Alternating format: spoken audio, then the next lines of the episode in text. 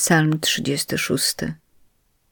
Kierownikowi chóru Dawida, sługi pańskiego.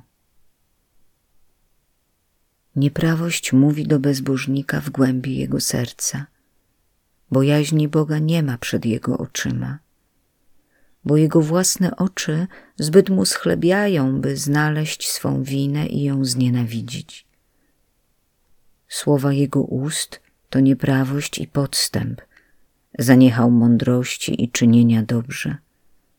Na swoim łożu zamyśla nieprawość, wkracza na niedobrą drogę, nie stroni od złego. Łaska Twoja, Panie, dosięga nieba, a Twoja wierność samych obłoków.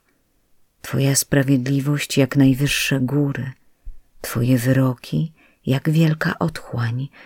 Niesiesz, Panie, ocalenie ludziom i zwierzętom. Jak cenna jest Twoja łaska. Synowie ludzcy przychodzą do Ciebie, chronią się w cieniu Twych skrzydeł, sycą się tłuszczem Twojego domu, boisz ich potokiem Twoich rozkoszy.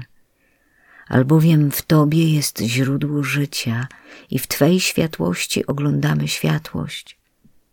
Zachowaj łaskę Twą dla tych, co Ciebie znają i sprawiedliwość Twą dla ludzi prawego serca Niech mnie nie dogoni stopa pyszałka i ręka grzesznika niech mnie nie płoszy.